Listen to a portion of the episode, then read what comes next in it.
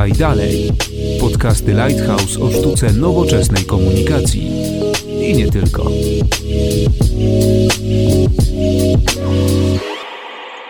Dzień dobry, Konrad Domański. Zapraszam na 39. odcinek podcastu Lighthouse e, Podaj Dalej, w którym dzisiaj skupimy się na gamingu, porozmawiamy, no może nie tylko o samych grach, ale też o szeroko pojętej kulturze, bo będzie o grach, będzie też e, troszkę więcej o, o serialach, e, może też delikatnie inne wątki zahaczymy. Skupimy się na tym, w jaki sposób wygląda promocja tych e, tematów, które są powiązane z gamingiem, no bo jakby nie patrzeć, już od dłuższego czasu mówi się, że e, ten świat gamingu, jeśli chodzi o finanse, nawet przewyższa branżę, branżę filmową. Jeżeli chodzi o działania promocyjne, no to nie da się uciec od tego, że przy okazji każdej dużej premiery widzimy po prostu dużo wokół, czy to seriali, czy właśnie e, gier.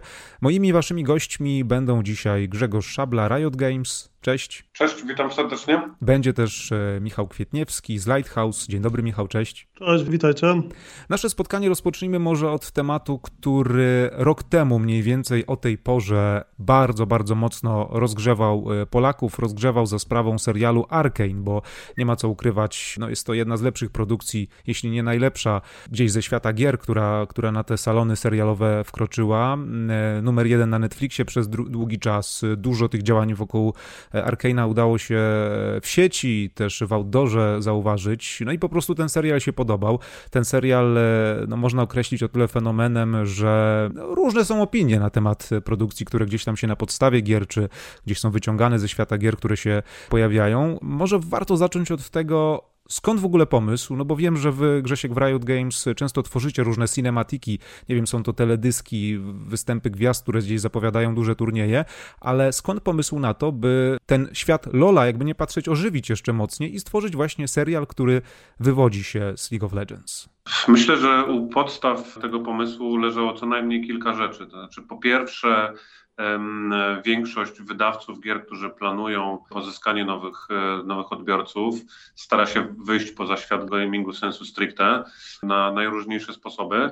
Natomiast nasza przewaga konkurencyjna zasadniczo polega na tym, myślę, że od samego początku, od momentu stworzenia League of Legends, my żeśmy budowali bardzo bogate lore, czyli bardzo bogate ten świat, e, świat wewnątrz samej gry i w, ramach tego lore możemy się dowiedzieć całej masy rzeczy o wielu bohaterach. Okazało się, że te no, w zeszłym roku to było, to było 12 urodziny League of Legends, że te 12 lat kontentu i rzeczy, które jakby my żeśmy dostarczali naszym graczom, tak bardzo rozbudziło ich apetyty, że wiedzieliśmy, e, że nasi fani generalnie na pewno oczekują czegoś więcej niż te, niż te coroczne cinematyki i myślę, że Arkane'em udało nam się zaspokoić e, ich oczekiwania, pragnienia, dostarczyć historię, która bardzo im się podobała, a jednocześnie stworzyć coś, co pewnie jest świetnym wprowadzeniem do świata League of Legends dla ludzi, którzy nigdy, nigdy z, z, z naszym światem nie mieli styczności. No i to zadanie zostało, myślę, spełnione. Arkane był rzeczywiście na liście bestsellerów jedynką Netflixa przez bardzo długi czas i zebraliśmy całą masę komentarzy, w których ludzie mówią niesamowite, że udało wam się stworzyć e, dzieło, które oglądają nawet niegracze i czerpią z tego przyjemność. Bo też dało się zauważyć właśnie to, co wspominasz w tych recenzjach, które się pojawiały po premierze i przed premierą, że no, osoby, które widziały ten serial, te animacje, określały ją jako wręcz dzieło sztuki, a nie tylko jako gdzieś tam e, produkcję, która jest e, tworem na podstawie, na podstawie gra. Powiedz, czy gdzieś jak, jak obserwowałeś no, te statystyki Lola, to po premierze Arkane'a, nie wiem, wrócili starzy gracze do, do, do tej produkcji, nagle się jakieś słupki podskoczyły, jeżeli chodzi o popularność? Było też to widać, taką zależność? Było i jest widać, tak. Od premiery Arkane minął już rok.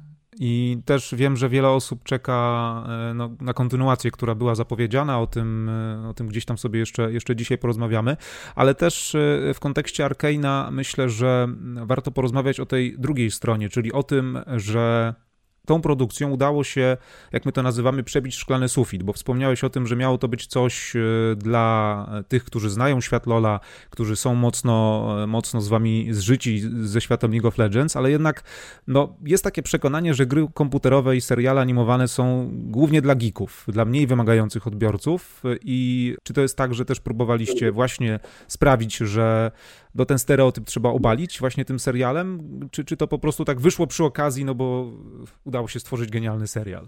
Myślę, że mamy do czynienia z dwoma problemami. To znaczy, po pierwsze, jak sięgnę pamięcią, ciężko znaleźć produkty około gamingowe, w domyśle seriale lub filmy, które e, przed Arkane'em dowoziły jakąś jakość. No niestety większość, e, większość z, z tych produkcji była po prostu słabej jakości. E, a po drugie, myślę, że ciężko opowiedzieć historię osadzoną w świecie gier w sposób na tyle ciekawy, żeby ona zainteresowała zarówno obecnych fanów, jak, jak, i, jak i tych, którzy nie mają ze światem gier nic wspólnego. Tak naprawdę na końcu chyba to wszystko się sprowadza do, do świetnego scenariusza oraz do jakości produktu, który, który dostarczasz. Ja myślę, że za fenomenem Arkane'a stoi bardzo dużo rzeczy, ale gdyby ktoś wpadł na pomysł, że my tego serialu w ogóle nie promujemy, to sądzę, że on i tak by się obronił. To znaczy, po prostu to jest świetny serial. Mhm.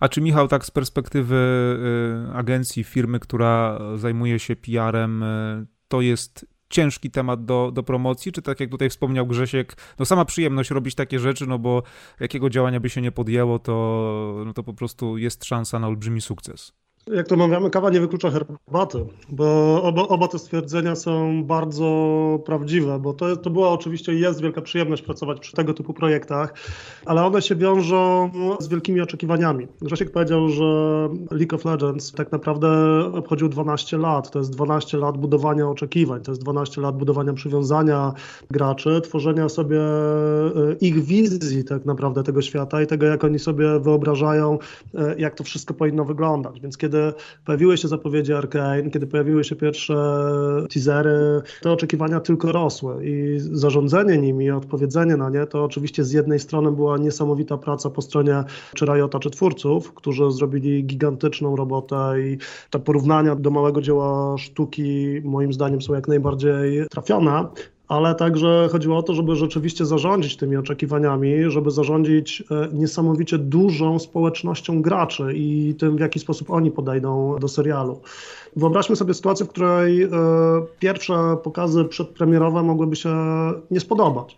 E, więc cały hejt e, i oczekiwania, które nie zostałyby zaspokojone, rzutowałyby później na całkowicie na odbiór serialu. Widzieliśmy i widzimy to na bieżąco przy różnych e, produkcjach pojawiających się w przestrzeni chociażby dzisiaj pojawiły się pierwsze opinie na temat czy to nowego serialu ze świata Wiedźmina, czy na temat serialu na bazie Dragon Age'a.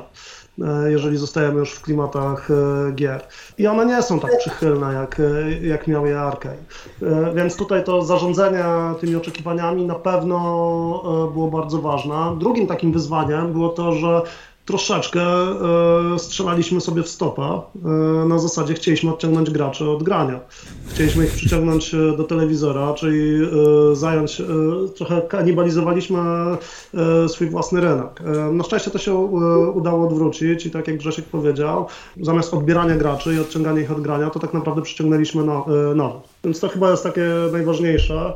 E, no i ostatnie wyzwanie to było to, o czym e, Konrad, ty wspomniałeś na początku, czyli ta taka trochę jednak nieufność mainstreamu, nieufność tych mediów głównych i tej szerokiej publiczności, dla których dla wielu osób jednak granie to taka rozrywka ciągle drugiej kategorii, rozrywka dla dzieciaków. Tymczasem jak e, pokazują ostatnie badania, w Polsce mamy w tym momencie ponad 20 milionów graczy, z czego 80% z, to są osoby pełnoletnie, więc to już dawno jest nieprawda, że, że gry i wszystko wokół gier to jest coś e, dla nastolatków. Ale to wiesz co, Michał, ja pozwolę sobie jedną rzecz do tego, co powiedziałeś, dodać, bo to jest dosyć zabawna historia e, a propos nieufności, z którą musimy się mierzyć. Ja mam serdecznego przyjaciela, który pracuje w jednym z największych polskich e, portali filmowych e, i na co dzień e, gra bardzo dużo. I nawet on miał wątpliwości, czy chce oglądać Arkane, bo, bo to jest serial, który w jego opinii to być serial o League of Legends, a on po prostu w League of Legends nie gra, rozumiecie? Więc nawet mhm. człowiek, który teoretycznie siedzi w tym świecie, też miał jakąś, tak, jakąś blokadę, czy, czy, czy to będzie coś dla niego. Ale też kiedyś były tam, kiedyś były podziały, jedni grali w e, StarCrafta, inni grali w Warcrafta. Dzisiaj jedni grają w Valoranta, inni w Fortnite albo w Call of Duty. A na koniec dnia pojawia nam się ta ogromna nieufność i ogromna, to, albo ogromne oczekiwania w stosunku do produkcji opartych na tylko jednym z tych tytułów. To są tylko uprzedzenia, które całkowicie nie pasują tak naprawdę do tego, co odbierzemy, na, e, co mamy na końcu. To też, co Grzesiek gdzieś zarysował na początku, że no te produkcje, które się dotychczas pojawiały, niektóre były dobre faktycznie, no bo dało się trochę znaleźć filmów niezłych, seriali niezłych, ale, no ale w większości umówmy się, jeżeli coś nie zadowalało nawet graczy, którzy gdzieś byli, e, mówiąc kolokwialnie, zajerani danym danym uniwersum, no to jak to miało zadowolić szerszą publikę? No nie da, nie da się po prostu czegoś takiego osiągnąć. Tutaj jest, myślę, w Arkane, bo też miałem przyjemność oglądać i to nawet nie raz ten, ten serial. Tu jest fajne właśnie to, że jak się nawet nie zna kompletnie uniwersum, bo też rozmawiałem z osobami, pokazywałem osobom, które kompletnie w ogóle nie grały nigdy w Lola, no to poznawały historię danych osób. To jest właśnie to, co, to, co wspomniałeś, Grzesiek, że e, scenarzyści po prostu dojechali ze scenariuszem, no bo stworzyć serial na podstawie gry, no wiadomo, mamy gotową historię, e, to, to też Wiedźmin jest tutaj dobrym przykładem, gdzie e, sporo teraz się pojawia takiego, takiej niechęci do kolejnych sezonów, bo no trochę mocno zaczyna odjeżdżać nam od tej oryginalnej sagi, oryginalnej sagi Sapkowskiego w przypadku Arkeina. Nie ma tam odjazdu od oryginalnego, od oryginału, że tak powiem, po prostu jest to oparcie na tym, co, co jest gdzieś korem tego, tego uniwersum, tego świata. Ty Grzesiek też wracając jeszcze troszkę do właśnie tego grania, nie grania, bo, bo myślę, że troszkę fajnie sobie odskoczyć na chwilę od samego tematu Arkeina. Ty też pracowałeś przecież bardzo dużego wydawcy y, gier singlowych, że tak powiem, więc masz taki ogląd na to, jaki jest odbiór gier singlowych i, i multiplayer. Czy gdzieś tam na przestrzeni lat twoim zdaniem zmienia się trochę to postrzeganie, że jednak gry już trochę są, bo to nie wiem, ile, 15 lat temu już zaczynałeś swoją pracę w Ubisoftie, to chyba gdzieś tak mniej więcej było, nie? Jak pamiętam te nasze początki, początki działań, e, więc... No tak, e, kilka więc myślę, że trochę się, czy, czy, zmienił się tak z twojej perspektywy ten obraz gracza, czy, czy nadal jednak, jak się z przypadkowymi osobami porozmawia, to gry, eee, no gdzie tam, kto to będzie grał, będę tam. Czy jednak jest trochę już to ta branża jest trochę przychylniej traktowana przez takie przypadkowe osoby? Konrad zmienił się, zmienił się na pewno. To znaczy, dzisiaj e, dużo łatwiej jest mi zadzwonić do dużego medium, porozmawiać, porozmawiać z dziennikarzem na temat gier niż jeszcze tamte powiedzmy 12 czy 15 lat temu na pewno. Natomiast ja myślę też sobie, że to wynika z wielu, z wielu różnych czynników, bo po pierwsze, ludzie, którzy grają, po prostu pojawili się na rynku pracy i pracują, i, i oni są po drugiej stronie tego telefonu. To znaczy, to, że w Polsce gaming był spostrzegany w ten, w ten, sposób, no jest to, jest to sytuacja, która w prostej linii wynika z tego, że my żeśmy żyli w takim, a nie innym e, ustroju przez bardzo wiele lat i gaming po prostu nie był szeroko dostępny. No, w koledzy w Niemczech czy we, czy we Francji grali na, e, na Sedze albo na Nintendo, no one, te, te urządzenia w Polsce nie były dostępne. W związku z tym zupełnie inna była penetracja rynku i ilość graczy. Więc my żeśmy musieli doszusować do, do, do, do, tej czołówki, znaczy musieli, nie musieliśmy, ludzie chcieli, do, zrobili to dobrowolnie. Dzisiaj to nasycenie i ilość graczy na rynku jest większa i w związku z tym pewne rzeczy łatwiej robić. No oczywiście nie bez wpływu pozostają też takie, takie kampanie, o których rozmawiamy i to są kampanie, które które były e, prowadzone przez wielu wydawców przez wiele ostatnich lat, którzy jakby budowali świadomość marek growych przez ostatnią ponad dekadę. Więc jakby chcąc nie chcąc gry zaczęły się przebijać do mainstreamu i tak, no w dużym skrócie odpowiadając na twoje pytanie, tak jest łatwo. Zresztą to też widać, że coraz więcej firm wykorzystuje grę także w drugą stronę. Nie wiem, czy widzieliście, jest e, mega fajny przykład działań, które zrobił Danon e, z jednym e, z partnerów technologicznych gdzie w sieciowej strzelance, kiedy poziom twojej energii spadał, nagle ci się pojawiła, pojawiała informacja o tym, że masz e, mało energii, mały głód czy danio przychodzi z pomocą. To tutaj zaprzygnięto do tego w ogóle sztuczną inteligencję, no właściwie algorytm tak naprawdę, który rozpoznawał poziom twojego paska życia. E, ale jeżeli mówimy tutaj o szerokim dotarciu już przez markę taką stricte FMCG, no to, to, to tak naprawdę już dawno wyszliśmy z niszy.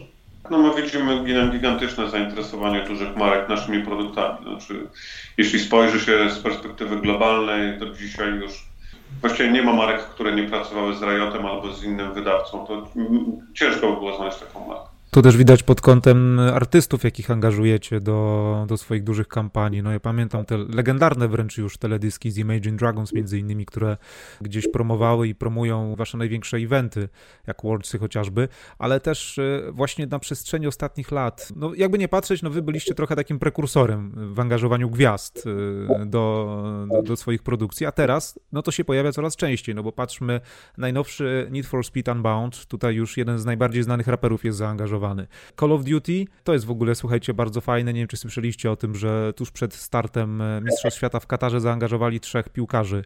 Neymara Messiego, już nie pamiętam, którego trzeciego piłkarza zaangażowali, ale zaangażowali trzy topowe gwiazdy piłki nożnej, żeby promować e, Mistrzostwa Świata w piłce nożnej wśród graczy też, nie? Więc to pokazuje, że e, no, ten rynek jest na tyle duży, że poprzez niego marki chcą dotrzeć, co też potwierdza te twoje słowa, Grzesiek, że duże, duże firmy też do was e, się odzywają, żeby wspólnie się promować, ale, ale myślę też, że w kontekście tego, tego pokazywania, jak dużo ten świat gamingu znaczy, warto wrócić do, do naszego tematu, który gdzieś tutaj podejmowaliśmy, czyli tematu I ja wiem, że no, tak jak wspomniałeś, Grzesiek, ten temat nakręcał się sam, ale, ale też no, tutaj warto troszkę poruszyć to, jak dużo też tych działań dookoła promocji Arkana zostało podjętych, żeby po prostu ten serial e, dotarł jak najszerzej. Ja pamiętam, że tam i w kontekście teasingu i tego, co przed premierą, samej premiery, no do tego było tak dużo, że te działania ciężko wręcz e, zliczyć, no, ale może warto słów kilka powiedzieć pod kątem tego, co, co gdzieś było podjęte przed przed, przed serialem, nie? Bo pamiętam też te murale e, influencerów, e, no, no masa tego po prostu. No rzeczywiście, wiesz co, Konrad, to było rok temu, a pamiętam to jakby to było dzisiaj, bo jakby mocno, bardzo mi to głęboko zapadło w pamięć, bo był to jeden z największych projektów, jakie miałem okazję, jakie miałem okazję poprowadzić.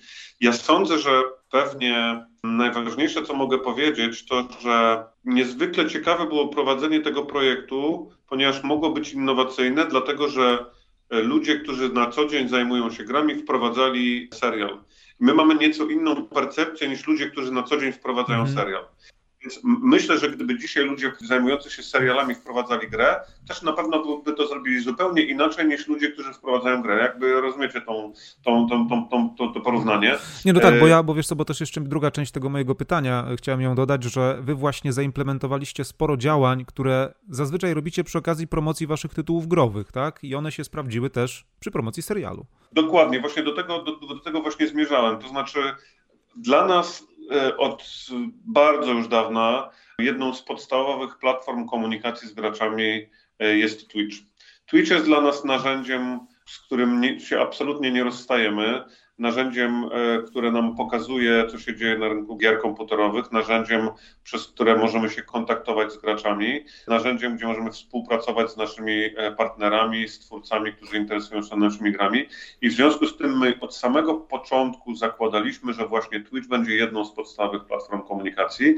Tak też się stało. I jakby oczywiście mieliśmy całą masę rzeczy, które zrobiliśmy. To była kampania telewizyjna, to były te, te billboardy, to była współpraca z influencerami, radio, cosplayerzy. Boże, naprawdę masakrycznie dużo, ale na końcu i tak premiera samego serialu w Polsce odbyła się na Twitchu i była realizowana przez naszych twórców, a właściwie przez całą masę twórców, a trzy, trzy pierwsze odcinki transmitował jeden z naszych naj, największych twórców w owym czasie, niejaki Rybson. I my żeśmy już wtedy słyszeli, czemu wy to robicie? Przecież to nie ma sensu, przecież ludzie mogą przyjść na, na, na Netflixa i obejrzeć. Natomiast no, wiedzieliśmy, że jeśli chodzi o komunikowanie się do, z ludźmi, którzy są z nami na co dzień, to to jest najlepsze miejsce i bardzo się to sprawdziło i super jesteśmy z tego zadowoleni. Jeśli kiedyś będzie sezon drugi, to na pewno co najmniej e, będziemy rozważali powtórzenie tej taktyki. A jesteś w stanie już zdradzić coś na temat drugiego sezonu, czy trzymacie to mocno w tajemnicy? Mogę jedynie powtórzyć to, co powiedział nasz prezes, że sezon drugi będzie. Słuchaj, no świat jednak czeka na drugi sezon Arkane, no skoro robi się dzieło, które utrzymuje się przez tyle tygodni na e, topce Netflixa i to był numer jeden. Ja pamiętam, że w tym samym czasie e, gdzieś już od jakiegoś, od jakichś chyba dwóch czy trzech tygodni był Squid Game, e, pojawiał się w tym samym czasie Narcos, najnowszy serial, a jednak to są w Polsce, to były w Polsce bardzo popularne produkcje i sprawić, że, że Arkane wywindował się na numer jeden jeden, no to, to już jest naprawdę duża, duża sprawa. To też myślę, yy, ogrom tych działań sprawia, że no, konkurencja pewnie gdzieś, gdzieś też was mocno podpatrzyła, ale już na przykład, bo też niedawno pojawił się cyberpunkowy serial gdzieś, gdzieś w tym świecie, no już widziałem, że oni aż tak, aż z takim rozmachem tego nie robili chyba, nie? No, to jest kwestia, kwestia myślę podejścia. Nie wiem, czy to, czy to tylko takie moje wrażenie, ale, ale nawet, no wiadomo, że też, też gdzieś tam przy tej, przy tej promocji działaliśmy, więc, więc może mamy inne spojrzenie, ale, ale mam wrażenie, że Cyberpunka było dużo mniej jednak niż Arkeina. I to też się przełożyło na oglądalność.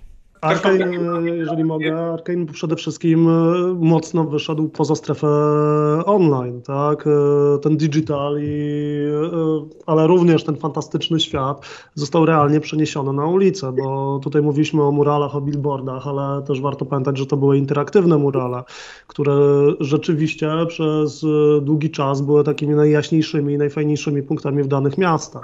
Mieliśmy całą masę cosplayerów, całą masę influencerów, którzy że postanowili wyjść z ekranów czy z komórek i tak naprawdę e, spotkać się z fanami na ulicy, gdzie każdy mógł, idąc do przykładowego sklepu czy wracając z pracy, mógł realnie spotkać e, postacie prosto z, ze swojej ulubionej gry albo z gry czy z serialu, którego jeszcze nie widział i tego, i tego mogło zainteresować. To jest coś niesamowitego. A wracając do tego, jeszcze na sekundkę do tego, co powiedziałeś o tak doskonałym przyjęciu, nie wiem, e, czy wiesz Konrad, ale przecież Arkane przez długi czas był, miał 100% pozytywnych opinii na Rotten Tomatoes. Tak, w Polsce to na Filmwebie było ponad 20 tysięcy, ile dobrze pamiętam, opinii z, tam ze średnią ponad 8,5, więc to jest coś niespotykanego tak naprawdę. To, to tylko pokazuje, jak on dobrze rzeczywiście został przyjęty. A to też tak. nie jest tak, Grzesiek, że, bo, bo nie, nie, chcę teraz tego przekręcić, ale że w każdym regionie jakby mieliście dowolność odnośnie tego, w jaki sposób Arkane będzie promowany, bo to chyba, pamiętam, że rozmawialiśmy o tym, że, że no nie wiem, na przykład u nas były murale, e, gdzieś w innym kraju były sklepy, które gdzieś też na przykład, nie wiem, były tak mówiąc w cudzysłowie wyniszczone. No generalnie pod kątem Arkeina też e, ważne jest to wyjście, wyjście poza bańkę, mówiąc kolokwialnie, bo w bańce się wypromować, jak, jak coś jest dobrego, to jest e, łatwe. E, no też spotykamy się w momencie, kiedy Arkane zdobył jedną z nagród podczas dosyć ważnego eventu PR-owego, co też pokazuje, że wybija się, bo ja powiem wam tak między nami, obserwuję te, te gale od lat i, i, prawda jest taka, że strasznie rzadko przebijają się tam projekty gamingowe. Zgłaszanych jest dużo różnych projektów gamingowych, co też pokazuje, że no nie ma jeszcze chyba aż takiego zrozumienia e, właśnie w takim e, świecie pozagamingowym, więc przebicie się też w takim plebiscycie projektowi, który jest związany z kulturą, gamingiem, no to też jest, e, no myślę, no wiadomo, no zawsze oczekiwania mogą być większe, ale myślę, że zdobycie, zdobycie nagrody też w takim plebiscycie jest jakimś tam sukcesem dla tego serialu. Na pewno, tak, tak, zgadzam się. Faktycznie tych projektów jest sporo, niewiele się przebija. Rzeczywiście w nawiązaniu do tego, co mówiłeś na początku, my żeśmy mieli pełną dowolność w tym, co robimy. Znaczy taka jest też specyfika firmy, w której pracuję. Ktoś kiedyś, myślę, że musiał to być ktoś mądry, uznał, że jeśli mamy ludzi na lokalnym rynku, to oni będą wiedzieli najlepiej, co zrobić, żeby, żeby to było działania odpowiednie dla, dla e, ludzi tam mieszkających. Więc wszystko to, co się działo w Polsce, to była, to była, to była nasza decyzja i bardzo się cieszę, że że mieliśmy tą wolność, e, no bo faktycznie feedback, jaki dostaliśmy od, od społeczności lokalnej, był taki, że no, super widoczny, Arkane był super widoczny w tym czasie. Konkurs, Konrad, o którym mówisz, czyli Złote Spinacza, to tak naprawdę najważniejsze polskie nagrody dla projektów promocyjnych, projektów e, PR-owych i tutaj rzeczywiście te projekty gamingowe do tej pory były tak traktowane, no nie chcę powiedzieć, że po macoszemu, ale tak jak mówiliśmy na początku, jakie takie troszeczkę niszowe. Premiera Arkane wiązała się z ogromną liczbą działań, kontaktów, e, telefonów, maili, tego wszystkiego, co jest naszą codzienną pracą. Tutaj Lighthouse i nasi partnerzy zapewnili tak naprawdę 100% pozytywnych recenzji, zarówno na poziomie przed premierą, e, czyli tu wśród tych wybrańców, którzy mieli okazję spojrzeć i zobaczyć e, serial wcześniej, jak i już na poziomie później premiery, czy to na Twitchu, czy na Netflixie.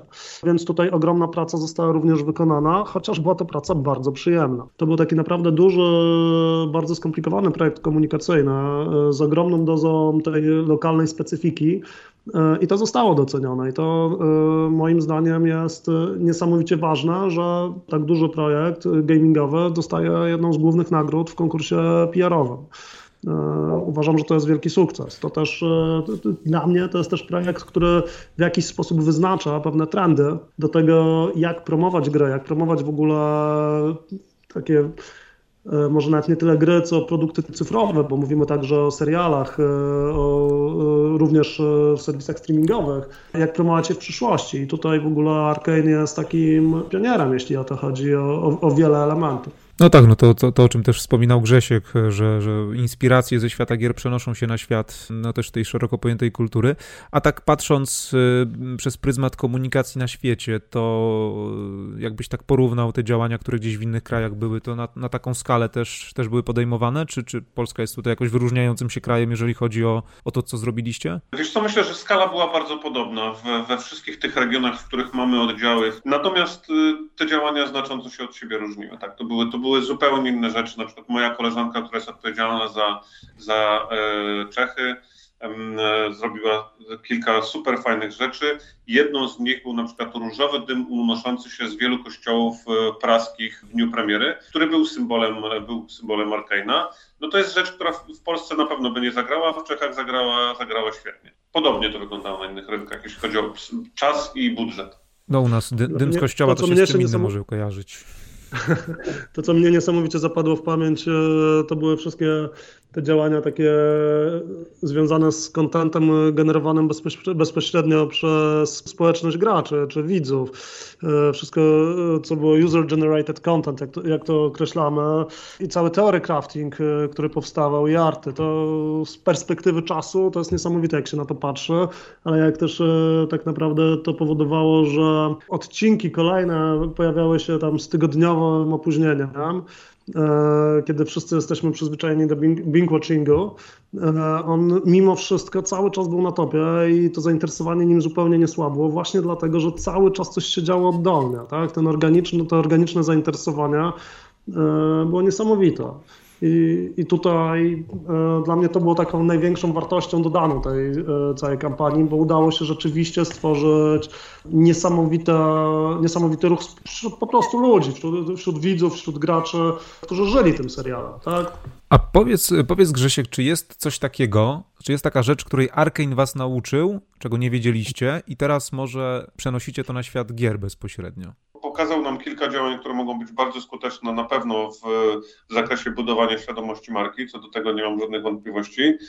Natomiast nigdy nie zrobiłem takiego rachunku sumienia, wiesz, żeby usiąść i powiedzieć, dobra, co konkretnie wyciągnąłem z tego projektu. A wyciągam na pewno bardzo dużo. W Lighthouse widzimy, że Riot promując Arkane tak naprawdę wyznaczył nowe trendy, jeśli chodzi o komunikację tych e, produktów cyfrowych, rozumianych szeroko, zarówno jako gry, jako seriale, e, jako filmy. I tak naprawdę kolejne firmy będą to powtarzać. To jest droga, którą pójdą kolejni. Jak słyszeliście, Arkane to olbrzymi projekt. Olbrzymie oczekiwania też e, są w stosunku do drugiego sezonu, na który czekamy z niecierpliwością. Czekamy też na wszelkie nowości w przyszłym roku, które e, Riot będzie ogłaszał, bo, bo wiemy, Grzesiek, że robicie sporo i, i też nie możemy o tym ani wy, ani my e, mówić. No myślę, że Arkane też pokazał, jak wiele świat gamingu może nauczyć się od świata kultury, jak wiele kultura może nauczyć się od gamingu. O promocji dzisiaj rozmawialiśmy rozmawialiśmy o właśnie serialu Arkane, ale też e, troszkę o gamingu, o tym jak, ten, e, jak ta branża w tej chwili wygląda, jak Polacy plasują się w kontekście grania. Jak słyszeliście, graczy jest dużo i mamy nadzieję, ja jako gracz mam szczególną nadzieję, że, że to zrozumienie w stosunku do gamingu będzie jeszcze większe, bo gry mogą też rozwijać, ale to myślę, że już o rozwoju, o rozwoju to, to sobie innym razem porozmawiamy, bo to jest temat rzeka. Moimi waszymi gośćmi byli dzisiaj Grzegorz Szabla, Riot Games, Dziękuję bardzo. Oraz Michał Kwietniewski, Lighthouse. Dzięki wielkie. Konrad Domański, do usłyszenia w kolejnym odcinku podcastu Podaj Dalej. Spodobał Ci się nasz podcast? Podaj dalej i śledź naszą stronę oraz kanały społecznościowe.